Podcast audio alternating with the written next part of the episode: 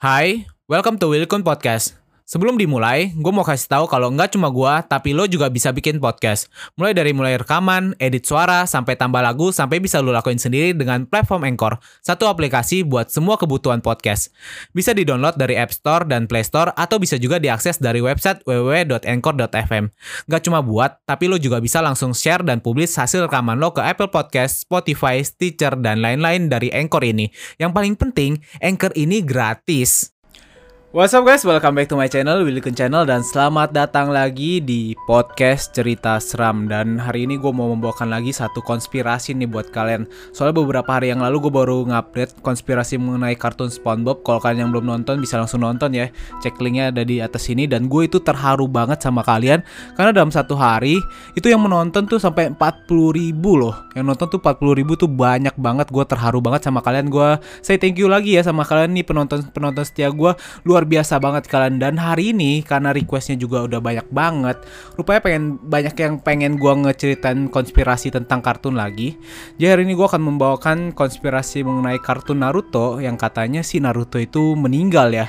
Tapi belum keluar episode yang yang jelasnya itu bagaimana. Tapi di sini gue bakal ngebahas kemungkinan Naruto itu meninggal apa enggak. Habis itu gue juga bakal ngebahas kartun mengenai Upin Ipin Hello Kitty dan ada juga kartun Shinchan buat kalian dan ini ada konspirasi-konspirasi yang ya, menakutkan ya dari cerita-cerita dari kartun yang kelihatannya lucu tapi ada konspirasi mengerikannya loh. Nah kalian penasaran banget kan pasti Nah jadi buat kalian yang udah gak sabar ngedenger konspirasi mengenai kartun-kartun yang terseram Jangan lupa untuk selalu support channel gue dulu ya. Klik aja tombol subscribe-nya di pojok kanan video kalian ini. Klik aja di sini abis itu klik tombol loncengnya Agar mendapatkan notifikasi kalau gue ngupdate video. Jadi kalian menjadi orang pertama yang paling update nih. Kalian menjadi orang pertama yang nonton yang paling tahu informasinya.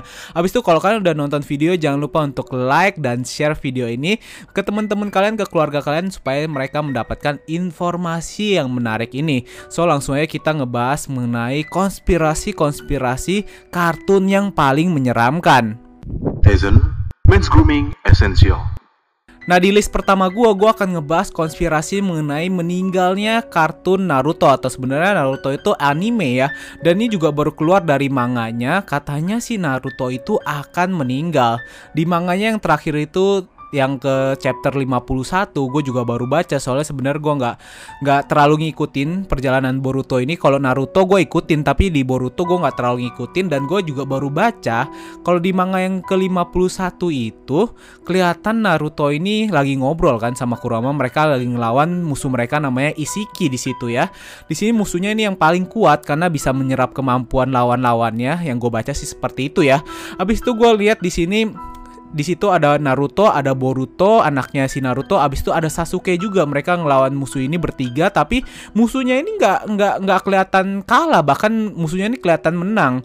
Dan akhirnya pada saat itu eh, Naruto ini ngobrol sama Kurama dan mereka sih kayak bilang uh, sebenarnya Kurama bisa meminjamkan kemampuannya untuk mengaktifkan kemampuan baru dari Naruto. Tapi kalau kemampuan ini diaktifkan, kemungkinan besar Naruto nyawanya ini bisa terancam.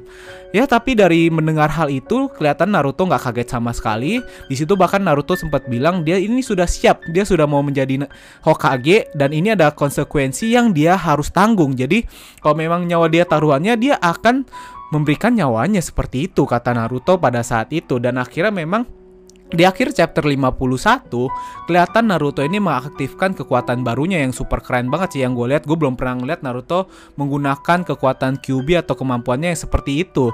Dan akhirnya di chapter 51 itu masih nggak ada kejelasan apakah Naruto akan meninggal. Soalnya berakhir di situ aja dengan kemampuan baru yang baru aktif. Dan nanti akan baru keluar di sekitar bulan 11 tanggal 20 kalau ini nggak berubah.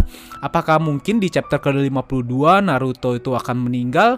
Belum ada yang tahu karena banyak yang mengatakan sih sebenarnya dari pencipta si Naruto ini, penulis manga Naruto atau anime Naruto ini pada tahun 2018 itu sudah sempat mengatakan kalau dia mungkin saja akan meng apa ya dibilang ya, mengakhiri karakter dari Naruto ini. Dia ingin menciptakan Boruto terlepas dari karakter Naruto karena karakter Naruto ya menjadi tokoh utama di film Naruto kan. Kalau di Boruto dia itu tidak tidak menjadi tokoh utama lah jadi bisa aja dihilangkan dengan cara ya seperti itu. Ya dia ini akan dibuat meninggal dengan cara seperti apa masih menjadi pertanyaan. Apakah mungkin di chapter 52 dia akan dibuat meninggal? Karena menurut beberapa orang juga kalau misalnya karakter Naruto ini dibuat meninggal uh, anime atau manga dari Naruto Boruto ini akan menjadi populer lagi. Karena bisa dibilang sih desas-desusnya kalau orang-orang tuh bilang anime atau manga Boruto itu tidak sesukses anime dan manga dari Naruto. Jadi kalau misalnya ada satu chapter di mana Naruto ini dibuat meninggal, eh, manga dan anime dari Boruto itu akan booming, akan tiba-tiba banyak penontonnya, akan banyak yang penasaran gitu karena fans-fans si Naruto itu banyak banget. Mereka juga penasaran bagaimana Naruto akan diakhiri di situ. Tapi dari konspirasi dan desas-desus yang keluar seperti itu perlu kalian ketahui anime atau manga di dunia ninja ini dunia Naruto, Naruto dan Boruto ada yang uniknya gitu. Meninggal belum berarti toko itu akan hilang sepenuhnya karena yang kita kan tahu di situ ada jurus untuk membangkitkan orang yang sudah meninggal. Jadi mungkin saja memang karakter Naruto ini dibuat meninggal tapi ke depannya masih bisa dipanggil menggunakan jurus rahasia seperti itu. Dan ada juga desas-desus yang menarik. Katanya sih yang mungkin saja meninggal ini bisa saja Sasuke yang mengorbankan dirinya. Karena di anime yang ke-51 di chapter 51 judulnya itu adalah sacrifice atau dalam bahasa Indonesianya adalah pengorbanan. Tapi nggak ada boldnya siapa yang akan berkorban. Apakah mungkin Naruto yang akan mengakhiri uh, nyawanya di situ atau malah Sasuke yang akan melindungi Naruto? Ini jadi masih banyak banget desas-desusnya. Apalagi kalau kita perhatikan karakter Naruto ini memiliki overpower atau kemampuan yang yang luar biasa hebat banget. Karena kalau kita lihat karena gue ikutin juga di anime sama manga yang perang perang ninja si Naruto ini bisa membagi cakranya ini ke beberapa ninja atau bahkan ribuan ninja pada saat itu ya jadi banyak banget dia membagi cakra. Jadi dia itu cakra yang sangat berlimpah. Kalau misalnya dia nantinya akan meninggal dengan cara cakra yang habis terkuras sepertinya sih sangat sulit sekali. Karena ya cakranya Naruto ini luar biasa banyak banget kan. Dia juga overpower banget. Dan ya penciptanya dari Naruto ini penulis dari manga Naruto juga orang yang suka ngeprank. Jadi cukup ya harus berhati-hati kalau misalnya ada desas-desus ini akan meninggal mungkin aja ini cuma prank nantinya ya. Tapi ya jangan terulang lagi lah. Kalau menurut gue sih gue pri gue pribadi nonton nama baca yang Naruto pertama dan saat meninggalnya Hyuga juga sangat menyedihkan. Gue gue sendiri nggak kepikiran wah ini karakter yang yang ya bisa dibilang karakter yang sering muncul tapi di situ dibuat meninggal.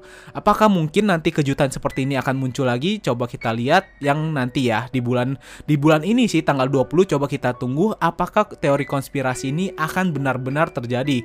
Kalau memang terjadi sih dari masyarakat Indonesia saja sudah sangat sedih gitu. Pas keluar beritanya kan udah banyak banget memes di mana ada orang-orang ngelayat di tempat Naruto habis itu Hinata juga menjadi seorang janda dan memes memes itu juga luar biasa lucu banget sih menurut gue walaupun memang kenyataannya sangat sedih ya gue juga nggak mau kayak gitu tapi wow berarti minat orang Indonesia tuh sangat besar sekali karena trending Naruto meninggal ini juga jadi trending di Twitter bahkan ada di beberapa di koran-koran juga ada kan jadi memang kita coba tunggu aja ya di bulan ini kita lihat apakah memang benar Naruto yang akan meninggal ataukah mungkin Sasuke yang akan meninggal atau mungkin juga lawannya yang bisa dikalahkan. Kita coba tunggu di bulan ini ya. Nah itu dia teori konspirasi pertama yang mengatakan kalau Naruto bisa saja akan meninggal di chapter ke-52. Gimana menurut kalian? Coba tinggalin pendapat kalian di kolom komentar di bawah sini ya pasti gue baca kok. Nah sekarang gue akan ngebahas teori konspirasi yang kedua mengenai kartun Upin Ipin. Karena kartun Upin Ipin ini memang sudah sangat trending banget. Pertama kali keluar itu sekitar tahun 2007 Ya pertama kali memang di Malaysia dan yang buat penasaran selalu bikin penasaran Kenapa kartun Upin Ipin ini tidak pernah memuncul memunculkan kedua orang tua dari Upin Ipin. Kemudian kalian juga pernah penasaran gak kenapa kartun Upin Ipin itu kepalanya itu selalu gundul atau nggak punya rambut lah. Si Upin aja cuma punya satu helai rambut kan. Kenapa karakter ini diciptakan seperti itu? Rupanya ada satu teori konspirasi yang mengatakan sebenarnya penciptaan kartun Upin Ipin ini dikejar-kejar oleh waktu. Kemudian editornya ini menciptakan kedua karakter Upin Ipin ini rambutnya itu gundul karena ingin memangkas biaya animasi 3D. Jadi kalau misalnya animasi 3D-nya itu karakternya dibuat gundul, biaya animasinya itu tidak akan terlalu besar karena ya memang nggak ada rambut sama sekali. Pergerakan rambut juga tidak harus diperhitungkan karena animasi rambut itu sangat sulit loh. Dia geraknya kan berbeda, bukan gerakan tubuh gitu, gerakan yang berbeda lagi. Kalau ditambah seperti itu, editannya akan lebih banyak, animasinya lebih banyak, biayanya juga lebih banyak. Jadi teori konspirasi ini mengatakan untuk memangkas biaya itu semua akhirnya karakter Upin Ipin dibuat tidak berambut. Akhirnya seperti itu. Cukup masuk akal ya. Kemudian teori konspirasi yang kedua yang sering kita pertanyakan, kenapa karakter Upin Ipin ini ibu dan ayahnya itu tidak pernah kelihatan? Lebih kelihatan Kak Ros sama si Opa ya, neneknya si Upin Ipin di situ. Kenapa seperti itu? Nah, ada satu teori konspirasi juga yang mengatakan kalau sebenarnya karakter ibu dan ayah dari Upin Ipin ini pada awalnya memang tidak mau diciptakan oleh pencipta Upin Ipin karena mereka itu ingin menceritakan kisah si anak-anak ini nih, tidak mau membawa cerita kisah ayah dan ibunya. Kemudian pada akhirnya kan serial animasi ini cukup berjalan panjang dan banyak yang mempertanyakan kenapa karakter ibu dan ayahnya ini tidak diciptakan. Dan akhirnya sesuai permintaan akhirnya dibuatlah cerita yang menceritakan kisah dari ayah dan ibu Upin Ipin itu di episode di mana nama si Opa itu juga terungkap. Akhirnya mereka masuk ke dalam kamar si Opa kan? Nah di situ dilihat rupanya ayah dari Upin Ipin ini adalah seorang tentara dari Malaysia. Jadi di situ banyak spekulasi yang mengatakan kalau sebenarnya ayah dari Upin Ipin ini meninggal karena dia itu menjadi seorang tentara. Jadi dia itu sedang mengabdi, akhirnya meninggal. Sedangkan ibu dari Upin Ipin ini meninggal karena melahirkan mereka. Jadi kan proses persalinan apalagi bayi kembar itu kan cukup potensi yang sangat berbahaya sekali kan. Akhirnya setelah melahirkan kedua anak kembar ini ibunya meninggal pada saat itu. Cukup menyedihkan ya. Tapi ada juga teori konspirasi yang mengatakan sebenarnya ayah dan ibu dari Upin Ipin ini meninggal ketika perjalanan menuju rumah opa. Jadi waktu itu mereka menggunakan mobil dan akhirnya terjadi kecelakaan yang mereka tidak inginkan dan meninggal di situ. Nah sebenarnya ada juga teori konspirasi yang membahas ke, mengenai kedua orang tua Upin dan Ipin ini memang pada awalnya tidak ingin diciptakan oleh uh, penulis dari karakter Upin Ipin. Kenapa seperti itu? Karena waktu itu dikejar deadline mereka. Mereka dikejar deadline, mereka harus uh, launching kapan uh, animasi ini dan akhirnya karakter ibu dan ayahnya ini tidak dibuat karena waktunya itu tidak cukup. What's up guys? Sebelum kita lanjut, kenalan dulu yuk sama temen gua, namanya Anchor. Anchor ini adalah all-in-one podcast editing platform yang membuat gua lebih mudah untuk rekaman, edit suara, tambah lagu, dan segala hal dalam pembuatan podcast yang sedang lo dengerin kali ini. Anchor juga bisa jadi temen lo juga loh. Cara tinggal download dari App Store atau Play Store atau juga bisa diakses di www.anchor.fm.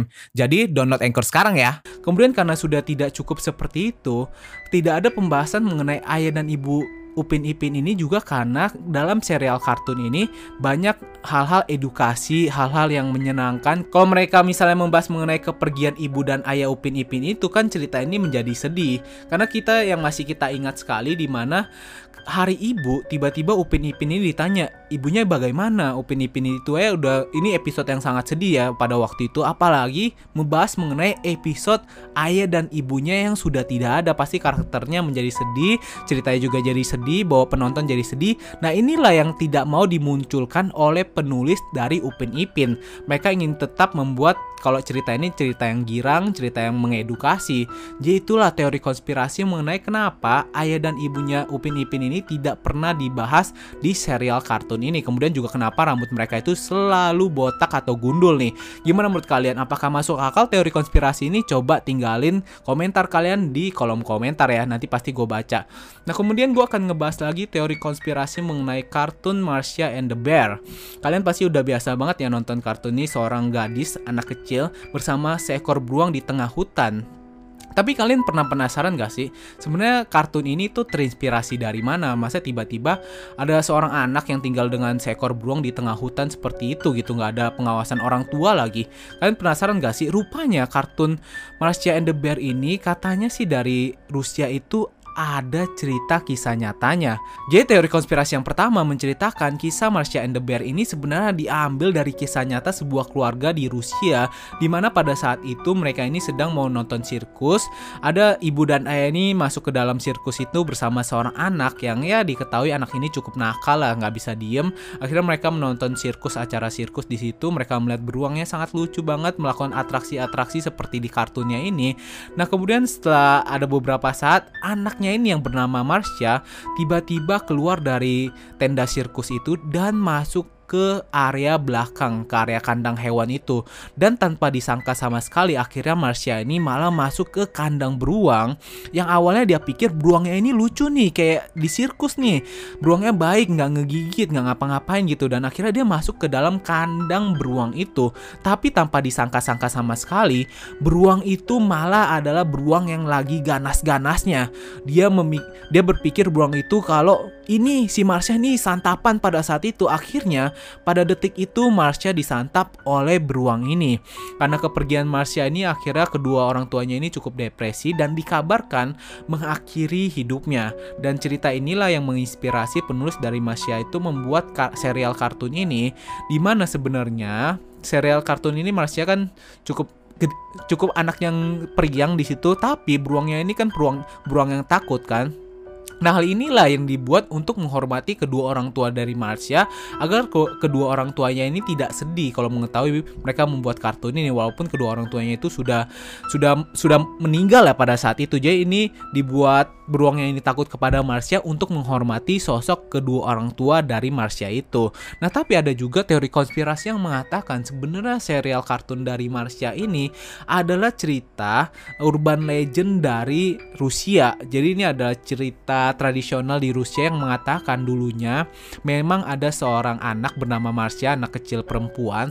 Dia itu tinggal di panti asuhan bersama seorang nenek dan anak-anak lainnya. Tapi pada beberapa saat kemudian dia dan anak-anak lainnya itu bermain ke hutan tapi tanpa diketahui akhirnya Marsha ini tersesat di hutan dan dia menemukan rumah yang di dalam rumahnya itu ada seorang beruang. Nah beruang ini mengatakan dia nggak akan ngapa-ngapain Marsha kalau dia ingin melayani beruang beruang itu dengan cara catatan ya membersihkan rumah, kemudian memasakkan makanan. Makanya di kartunnya itu juga Marsha ini selalu ada di dalam rumah itu dan seperti ya melayani beruang itu kan. Kemudian pada suatu saat akhirnya si Marsha ini bilang dia itu kangen banget sama neneknya. Dia ini ingin mengirimkan kue kepada neneknya. Kalau misalnya beruang itu mengirimkan kue ini kepada neneknya itu, Marsha ini akan selamanya melayani beruang itu. Dan akhirnya ya karena Oke, perjanjiannya itu sangat simpel dan beruangnya ini mendapatkan benefit yang besar. Si beruang ini mengiyakan, dia mengirimkan kue itu kepada neneknya si Marsha ini. Tapi karena Marsha adalah anak yang cerdik, kira Marsha ini malah masuk ke dalam keranjang kue itu dan tanpa diketahui beruang itu, beruang ini mengantar keranjang kue ini ke neneknya. Dan setelah di dalam rumah neneknya, Marsha baru keluar dan akhirnya Marsha ini bisa hidup bersama neneknya lagi. Nah, itu dia teori konspirasi mengenai cerita asli dari Marsha yang diambil dari kisah nyata di Rusia. Gimana menurut kalian? Coba tinggalin pendapat kalian di kolom komentar, pasti gue baca kok.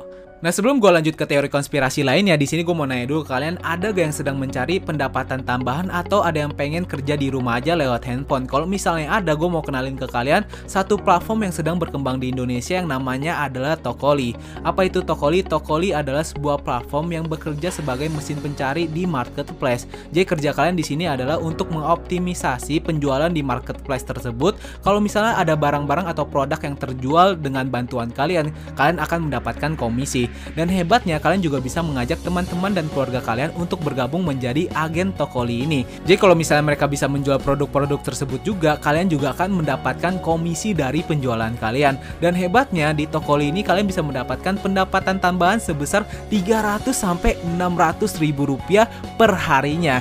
Jadi tunggu apa lagi buat kalian yang mau kerja di rumah aja lewat handphone, langsungnya bergabung di Tokoli. Nah buat kalian yang penasaran langsung cek di websitenya ini ya di bawah ini atau kalian bisa langsung hubungin WhatsAppnya di bawah ini nih. Silahkan dicoba guys. Nah lanjut lagi gue akan ngebahas teori konspirasi yang keempat buat kalian. Kali ini gue akan ngebahas teori konspirasi mengenai Hello Kitty. Siapa sih yang nggak tahu kalau karakter Hello Kitty ini karakter yang lucu, karakter kucing? Tapi kalian tahu nggak sih karakter lucu Hello Kitty ini ada cerita yang sangat mengerikan. Ada sebuah teori konspirasi yang mengatakan karakter lucu Hello Kitty ini diciptakan pada tahun 1970 di China oleh seorang ibu yang memiliki anak yang berusia 14 tahun yang mengidap penyakit kanker mulut. Dan pada waktu itu akhirnya karena ibunya ini cukup bersedih sekali, anaknya ini dibawa ke rumah sakit-rumah sakit. Tapi pada saat itu rumah sakit-rumah sakit di China mengatakan kepada ibu anak ini kalau anak ini tuh nggak bisa selamat lagi, nggak ada pengobatan sama sekali.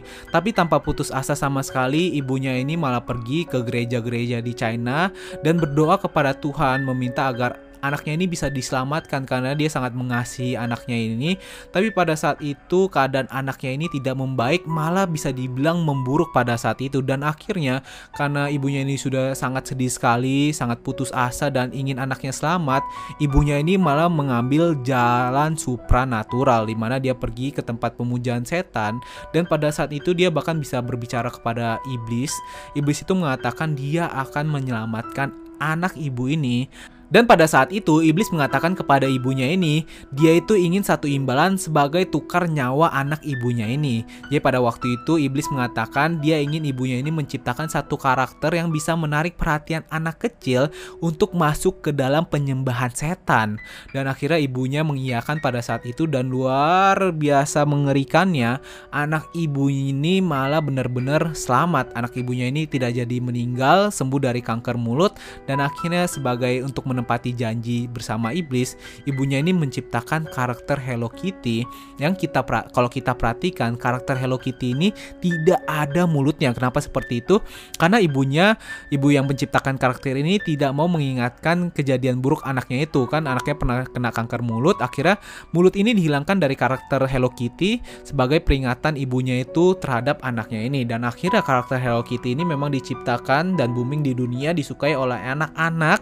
Tapi kita perhatikan sebenarnya karakter Hello Kitty ini dalam bahasa China, hello artinya tetap halo, Kitty dalam bahasa China itu adalah iblis. Karena beberapa orang di China mempercayai kalau karakter kucing itu adalah pembawa sial seperti iblis. Jadi karakter Hello Kitty artinya adalah halo iblis.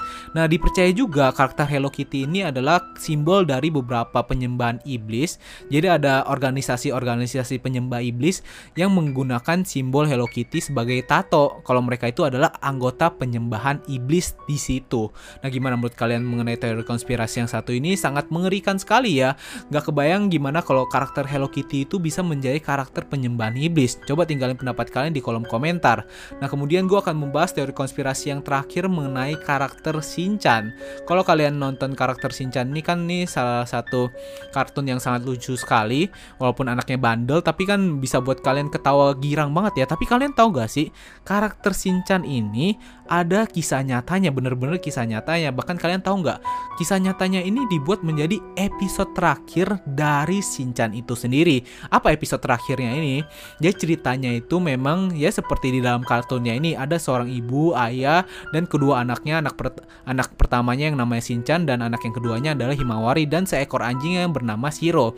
Pada saat itu mereka ber mau pergi berbelanja ke satu tempat minimarket tapi pada saat itu, tanpa disadari sama sekali, adiknya yang bernama Himawari itu malah menyeberang jalan sendirian dan di saat waktu yang bersamaan, ada sebuah truk yang sedang berjalan cepat. Karena Shinchan melihat hal ini, akhirnya Shinchan ini mau menyelamatkan adiknya. Tapi pada saat itu, kedua kakak dan adik ini malah tertabrak truk itu dan akhirnya nyawanya ini tidak bisa diselamatkan lagi.